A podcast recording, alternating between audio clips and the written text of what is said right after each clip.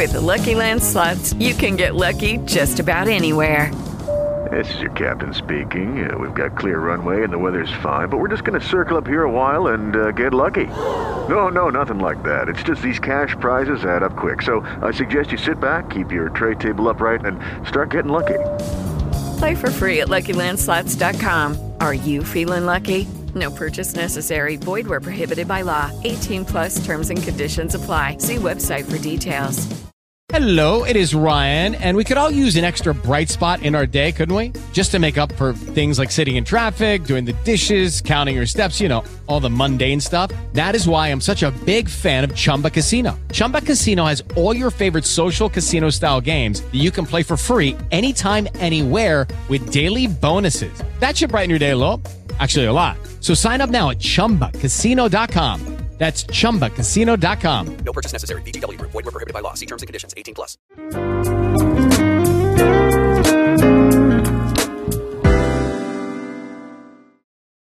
Siz hədəflər müəyyən edib və onu maddi tərəfini bilsəniz ki, sizə nə qədər pul lazımdır o hədəflərə çatmağa, siz paltar və ya ətrə pul xərcləyəndə düşünəcəksiniz ki, mən bu pulu hədəfimə qoysam daha tez hədəfimə çataram. Nəinki hal-hazırda e, bir neçə günlük məni xoşbəxt edən bir əşya alacağam. Bəli. E, o, amma e, hədəfinizə çatanda o sizi daha çox xoşbəxt eləyəcək. Sizin kimi dediyiniz, qeyd etdiyiniz xərclər bu emosional xərclərdir. Emosionaldır, bəli. Siz e, xoşbəxtlik hormonunu Həmin o boş. o boş Hə, onlardan bəli. alırsınız. Əzizim, məqsəd qoy qarşına. E, və yeni hobbilər özünüz üçün e, Aha. kəşf eləyin.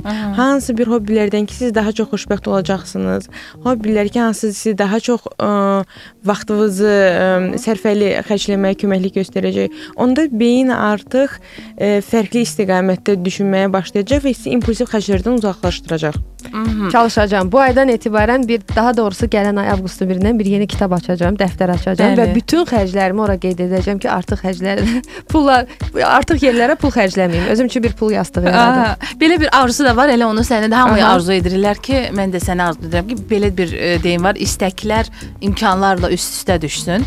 E, bunu hər kəsə arzu edirik, amma e, ümumiyyətlə insan e, xərclə xərclərinə görə e, yəni e, addım atmalıdır. Məsələn, gəlir əldə etməlidir, yoxsa gəlirinə uyğun xərcləməlidir.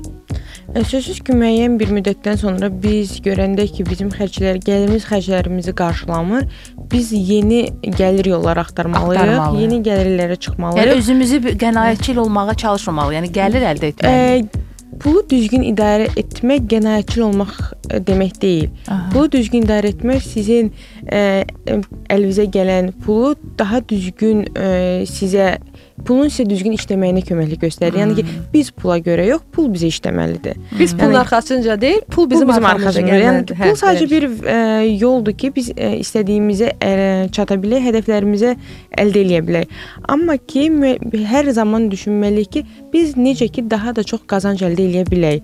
Amma e, bizi uşaqlıqdan həmişə öyrədiblər ki, çox pul qazan. Nə edirsən elə, çox qazan, çox işlə, amma niyə qazan? Nə üçün bizə lazımdır? Hara xərclə? Hara xərclə. Bəlkə bir insan e, aldığı əmək haqqı ilə xoşbəxtdir ki, ona daha artıq ehtiyacı yoxdur. Amma psixoloji olaraq bizə yedir, e, oturtulub ki, siz çox qazanmalısınız, çox işləməlisiniz və ona görə də e, insan elə, elə elə insanlar nə qədər çox qazansa da onlara pul bəs etmir. Çünki e, onların xərcləri çox xaotikdir, xərcləri lazımsızdır və qazandığı pullara xüsusən də ehtiyacları yoxdur. Çünki onlar ehtiyaclarını daha kiçik məbləğlərdən ödəyə bilirlər. Ə, Nisə xanım, daha çox pul qazanmaq daha da zəngin olmaq deməkdir. Xeyr. Burada nələr var? Nələr daxildir bura? Ə, daha çox pul qazanmaq və onu düzgün ə, idarə etmək, daha çox pul qazanıb ə, pulun pul qazanmağı artıq sizin zəngin olmağınızın zəngin olmağınız Deməkdir. deməkdir.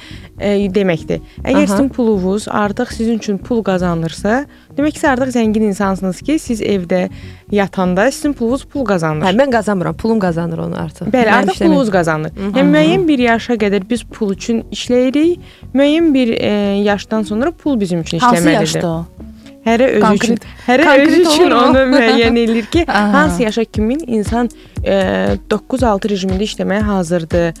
Hansı yaşa kimin insan bütün olan resurslarını işə sərf eləməyə hazırdır. Onu müəyyən edəndən sonra artıq biz e, özümüz üçün bilirik ki, misal üçün 35 yaşdan sonra pul mənə pul qazandırmalıdır, pul mənə işləməlidir. Yəni mən artıq daha rahat, e, daha ə, flexible indi belə bir rejimdə işləməyə hazıram. E, yeri gəlmişkən e, bu e, mən istərdim elə bu e, barədə danışaq ki, e, pasiv e, pul qazanmaq e, metodları, yəni bu pandemiya zamanı da bu daha çox biz gördük bunu və ümumiyyətlə müasir dövrdə onlayn alış-veriş, onlayn e, satışla məşğul olanlar var. Bunun hansı müsbət tərəfləri? Hər halda müsbət tərəfləri yəqin ki, daha çoxdur. E, Passiv gəlir özü bir müsbət tərəfdir, onun mənfi Adında tərəfi artıq yoxdur. Hayır. Evdə otururam, onun, pul onun mənfi qazanıram. tərəfi yoxdur. Gəlin ondan başlayaq ki, aktiv gəlir nədir, passiv gəlir Aha. nədir? Aktiv gəlir bizim aldığımız əmək haqqıdır. Hansı? Çünki biz e, 9-6 işləyirik, e, hər gün işə gedirik. Hər gün səhər dururuq, işə Bəli, hər gedirik. gün bu bizim aktiv gəlirimizdir və aktiv gəlir e, o deməkdir ki, biz o işdən uzaqlaşsaq, biz pulsuz qalırıq. Amma passiv gəlir üçün biz xüsusi bir əziyyətlər çəkmirik. O pul harasa yatırılır və pul özü pul qazanır. Və bunun bizim aktiv gəlirimizdən heç bir asılılığı olmur. Yəni biz aktiv gəlirdən imtina etsək də belə bizim hər zaman passiv gəlirimiz olur. Yatırımların müxtəlif yolları var. E, sizin qeyd etdiyiniz onlayn alış-veriş bu Satış, aktiv gəlirdir. O bu aktiv gəlirdir. Aha. Çünki insan bunun üçün mütəmadi olaraq əziyyət çəkir, işləyir. Passiv gəlir misal olaraq qeyd eləyəcəm. Azərbaycanlıların çox sevdiyi e, ev ev alırıq, daşa investisiya eləyirik Bəli. və sonra onu icarəyə veririk və oradan bizə ay-bay müəyyən bir məbləğ pul gəlir. Bu artıq passiv gəlir sayılır. Biz amma biraz irəli getmişik, artıq biraz müasirləşmişik və biz başlayırıq artıq e, hansı bir səhmlərə, istiqrarlara yatırım eləmək. Bu daha sərfəlidir, bu daha e, Valutalara, banklara e, məsələn Bank valyuta depozitinin Depozit. tərəfdarı, tərəfdarı deyilsiniz. Aha. çünki gəlirləri aşağıdır, faiz gəlirləri aşağıdır.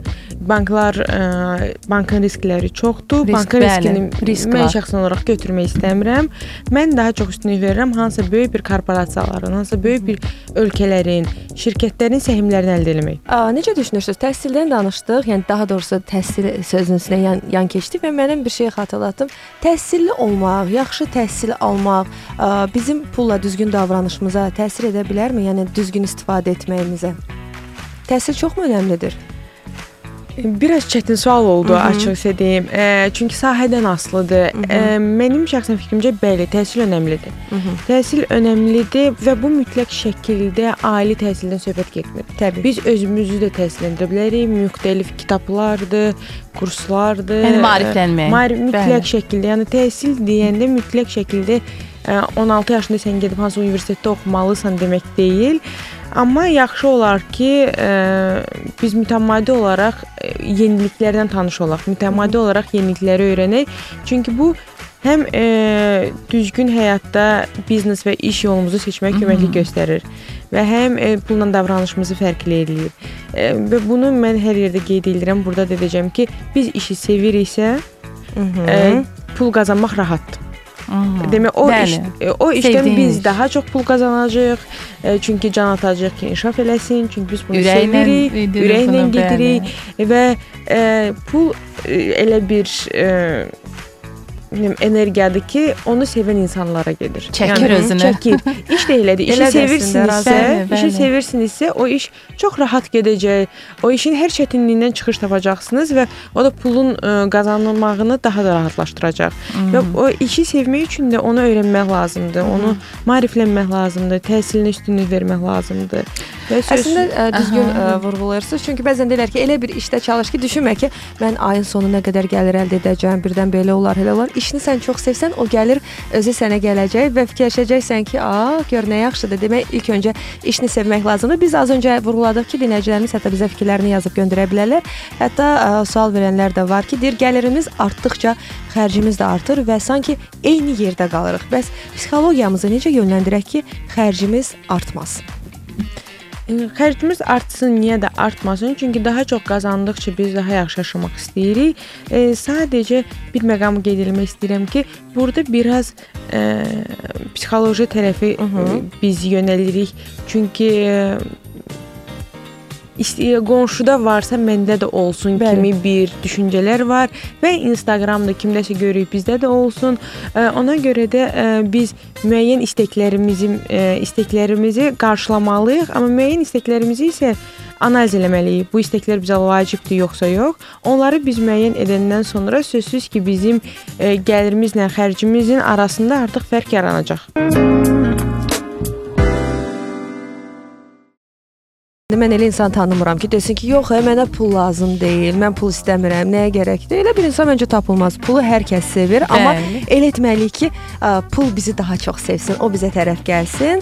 ə, Bunun və- üçün işləmək lazımdır. İşləməyən İşləməz, işləməz. E, bayaq biz danışdıq e, bu barədə ki, mən daha çox, yəni hərə öz büdcəsindən danışır. Mən daha çox uşaqlara xərc edirəm pulu və elə uşaqlarla bağlı sual Bəli. vermək istərdim ki, uşaqların özünə ümumiyyətlə biz nə qədər pul verməliyik? Neçə yaşdan sonra biz artıq onları o pul qazanmaq məsələləri, büdcə ilə məlumatlandırılmalı ki, artıq onların da anlayışı olsun ki, bəs e, məsələn bir marketə girəndə, yaxud bir kafeyə girəndə bilsinlər ki, bunun dəyəri nədir əslində. Hər zaman tələb edirlər, amma o anlayışı tam anlamırlar. pul istəməyin vaxtını bilsinlər. Bəli. Uşaqlar hər zaman tələb edirlər, çünki onlar dəyəri bilmirlər. Bəli. Onlar bilmirlər ki, o pulla alınır, onlar bilmirlər ki, pulu qazanmaq üçün valideynləri işə gedir. Aha. Və onlar görə də onlar "E, istəyirəm Vəssalam. və salam olmalıdır. Çünki e, arxasında nə durduğunu biz heç onlara anlatmırıq. Uşaqsan, balacasan, böyüyərsən, başa düşərsən. Yəni bu standart eşitdiyimiz bir e, sözlərdir.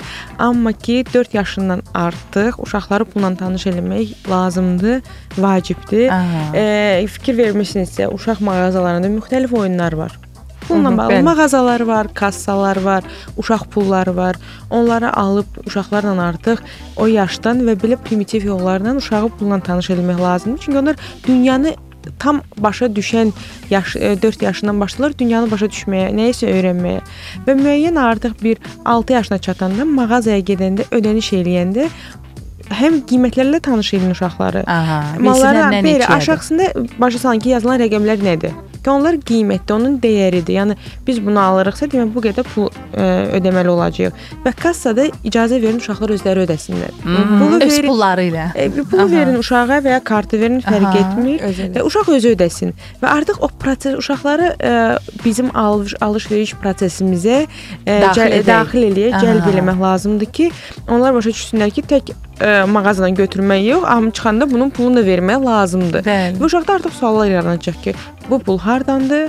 E, Bəli. pul e, niyə məsəl üçün e, səndə var, məndə yoxdur? Necə eləyim məndə də olsun? Və artıq buna biz e, kiçik-kiçik e, cavablarla uşağı yormadan biz e, başa salırıq ki, həm də ki mütləq şəkildə başa salırıq ki, səhər saat 9-da ana və ata hara gedir? Uşağın başını anlatmırıq. Baş işə gedirəm, işə gedirəm çünki pul qazanım. Niyə pul qazanım? Sənin istəklərini qarşılamaq üçün, öz Bəli, istəklərimi mən qarşılamaq də onu hər üçün. zaman deyirəm. Deyir bu gün getmə. Məsələn, mən deyirəm "Və sabah istirahətə gedəndə deyəcəksən mənə onu al, bunu al. Bəli, belə Bəli. şəkildə mən gedirəm ki, biz istirahətə gedə bilək. Və uşaq artıq valideyni işə daha rahat buraxır və Anlayır. e, anlayır və siz daha gec gələndə və ya ə, işdə ə, daha çox vaxt sərf edəndə uşaq artıq qınamır. O bilir ki, valideynlər işləyir çünki mənim istəklərimi qarşılamaq üçün.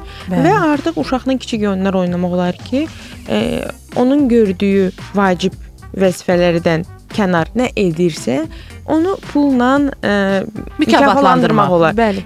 Oyuncaqları yığdım, pul verdim, yox. Yəni oyuncaqlar onun vəzifəsidir, yığışdırmalıdır. Amma ə, Aniyə mətbəxdə kömək elədinsə, mükafat. Yəni bunda bir problem yoxdur. Bəzi dillər belə düzgün etmirlər. Yəni düzgün deyil, amma məncə də olar. Yəni pul qazanmağı öyrənsinlər. Pul qazanmağı öyrənsinlər. Həm də ki, düzgün deyil o boyuna düşən vəzifəyə görə pul verəndə və ya təhsilinə görə oxu 5 al məsələn pul verəcəm. O Yox, o başqa, zaten yaxşı o bəli. Amma olimpiyadada sən iştirak edirsənsə, müəyyən bir mükafat qalib gəlirsənsə Verirlər, Çünki bəli. olimpiyada artıq uşaq üçün ekstra bir e, əylə ekstra bir. Yəni Məşğuliyyət olur, onun bəli. məcburiyyəti deyil, o getməyə də bilər ora.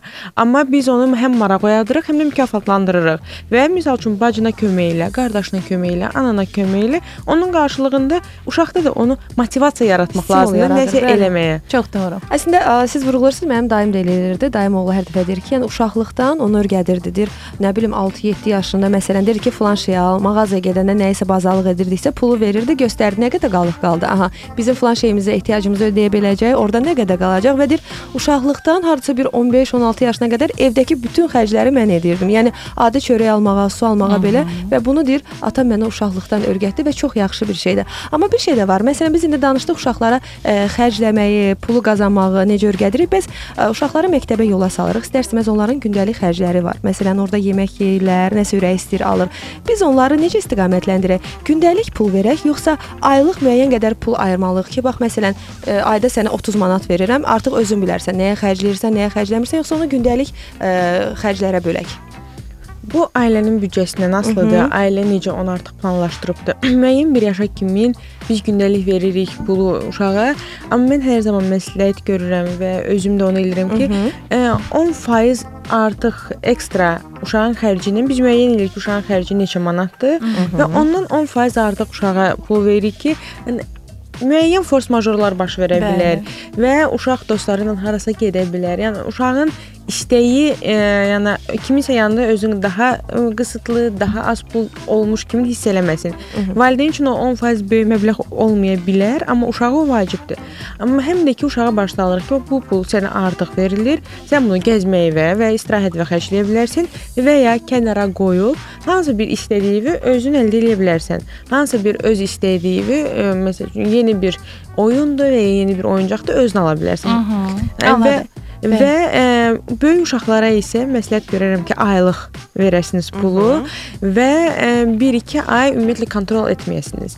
Və görəsiniz ki, uşağınız pulla necə davranır və daha sonra artıq onun düzgün e, pulla davranışını izah eləyəsiniz ki, e, xərcləri e, mütləq şəkildə qeyd elə, gəlirləri qeyd elə. Çünki o pulu bir günə də xərcləyə bilərsən e, və bir ayda xərcləyə bilərsən. Amma yadda saxlamalısan ki, o pul sənə bir ayda, ikinci dəfə sən pul tam bir aydan sonra veriləcək. Get bir ay ərzində özünü özünü idarə etməyi öyrən. Hı. Bu da bir müstəqillik, yəni Bu da öyrədir uşağa. Ə, Ekspertlər deyirlər ki, pul evdə pul saxlamayın. Ə, İndi bilmirəm, ə, bu barədə istərdik sizdən soruşaq. Ümumiyyətlə evdə nə qədər pul saxlamaq daha doğru Deyəsən olar? Sevinc evdə pul saxlayır. Bilmək istəyir, saxlayın yoxsa yox. Yalnız maliyyə yastığı saxlanılmalıdır. Maliyyə yastığı isə nədir? Ekstra ə, force major xərclərimizi qarşılaya biləcək bir məbləğ. O da ki, adətən 3 əmək haqqımız və 4 əmək haqqımızdan Miqdarında e, miqdarda olmalıdır. Bu o puldur ki, yəni gözlənilməyən nəsə bir baş verirsə Hadisə ailədə hadisə, biz nə kreditə qaçaq, nə borc götürək, bizim evdə onu ödəyə biləcəyimiz, qarşılaya biləcəyimiz məbləğ olsun. Bəli, ondan artıq olan bütün pulumuzu evdə saxlamaq heç məsləhət deyil. Onlar nəsə yatırılmalıdır, mütləq şəkildə e, passiv gəlirdə olmalıdır. Çünki inflyasiya deyilən bir anlayış var. Hı hı, bəli. Bugünkü pulunuzun dəyəri 1 ildən sonra o qədər olmayacaq. olmayacaq. Kursa müraciət edənlərin qarşısına çoxlu belə pullar düzülür və pullara baxırsan, stimul alırsan və deyirsən ki, mən bunu necə qazana bilərəm və yəqin ki, bilmirəm indi orada hansı metodlardan istifadə edirsiniz. Ümumiyyətlə bunun müddəti nə qədərdir? Ə, hə- həftədə neçə dəfə müraciət edirlər? Ümumiyyətlə müraciət edənlərin sayı varmı, çoxdurmu? Ə, mən öz təcrübəmizdən Aha. danışım ki, bizdə adətən həftədə 3 dəfə ödənişsiz seminarlar keçirilir. Ödənişsiz. Bəli, ödənişsiz bir ə, şirkətin bir politikasıdır ki, bir ödənişsiz ə, həftədə 3 dəfə maarifləndiririk ki, ümumiyyətlə ə, passiv gəlir nədir, necə əldə etmək olar, hansı instrumentlər var. Amma ödənişləri də var ki, harda ki, artıq daha dərin sizə məlumatlar verilir, daha ə, belə ətraflı məlumatlar verilir ki, ə, hansı yöndə yatırımlar var, hansı faiz gəlirləri əldə edə bilərsiniz, risklərinizi necə idarə edə bilərsiniz, büdcənizi necə idarə edə bilərsiniz. Bu da ki, artıq ə, toplanan insanların istəyini olaraq həftədə bir dəfə, iki dəfə ə, kurslar çox uzun deyil, aylarla getmək bir adətən bu 6-7 dərsdən ibarət olandır. Aha, cəmi Belə, az. çünki belə Aha. 6-7 dərsə olaraq tam olaraq insanı e, yeni bir düşüncə formalaşdırıb e, gön- biz yola salırıq yeni bir maliyyə həyatına Aha. və adətən bizim artıq e, belə öz təcrübəmizdən irəli gəlir ki, 6-7 dərs tam olaraq kifayət eləyir ki, e, insanda yeni bir vərdişlər yaransın və sonra insanlar özləri başlayırlar araşdırmağa və yeni bir e, e, vərdişlər və ya metodlar özləri üçün axtarmağa.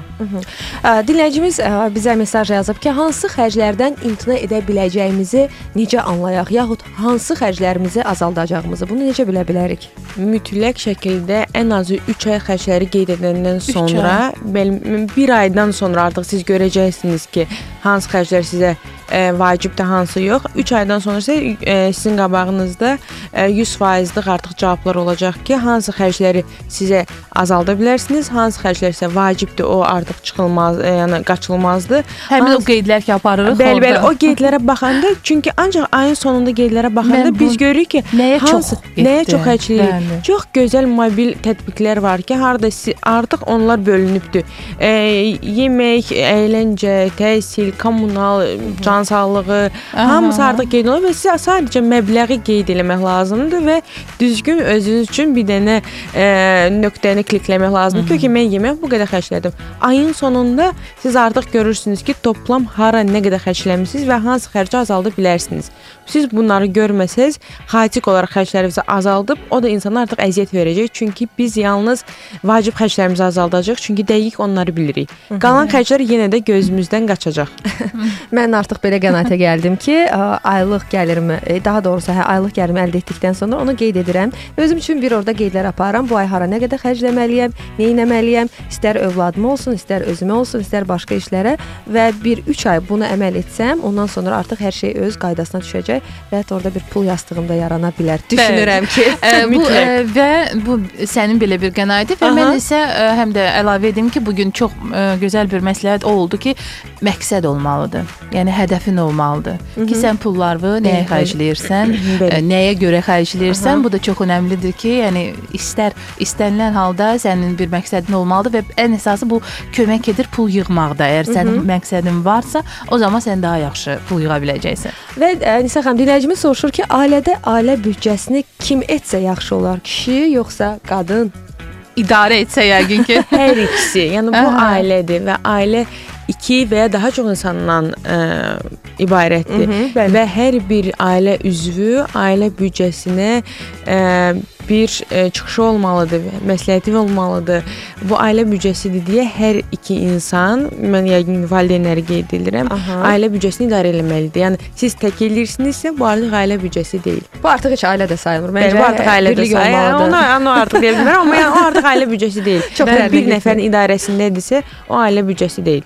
E, yekunlaşdırırıq, amma əgər bir neçə dəqiqə vaxtımız varsa, son olaraq bunu da soruşmaq istərdim ki, az gəlirli olan insanlar da var da. Yəni onların gəliri çox az olur, gündəlik olur, nə bilim, ə, yəni kifayət qədər pul qazanmırlar. Onlara hardasa qənaət etməkdə nə məsləhət görərdiniz? Ə, onlara qənaət ə, onu məsləhət görərdim ki, sadəcə ə, vacib xərclərini mütləq şəkildə özlərində beyinlərində tutsunlar ki, vacib xərcləri hansıdır və məncə hətta çox kiçik pulla da vacib xərcləri ödəyəndən sonra yerdə qalan ə, məbləği artıq ə, öz bildikləri kimi idarə eləsinlər. Sadəcə o qazandığı məbləğdən asılı olmayaraq vacib xərclər oradan çıxılmalıdır ki, yəni onları ödəməyə çatanda mütləq şəkildə pulumuz qalsın. Yenə də qeydlərimiz mütləq olmalıdır. Yəni həmişə qayıdırıq qeydlərə. Siz 100 manat da qazansanız, 10 min manat da qazansanız qeydlər olmalıdır. Təşəkkür edirik Nisə xanım. Çox sağ Çox olun. sağ olun. Çox sağ olun. Evet.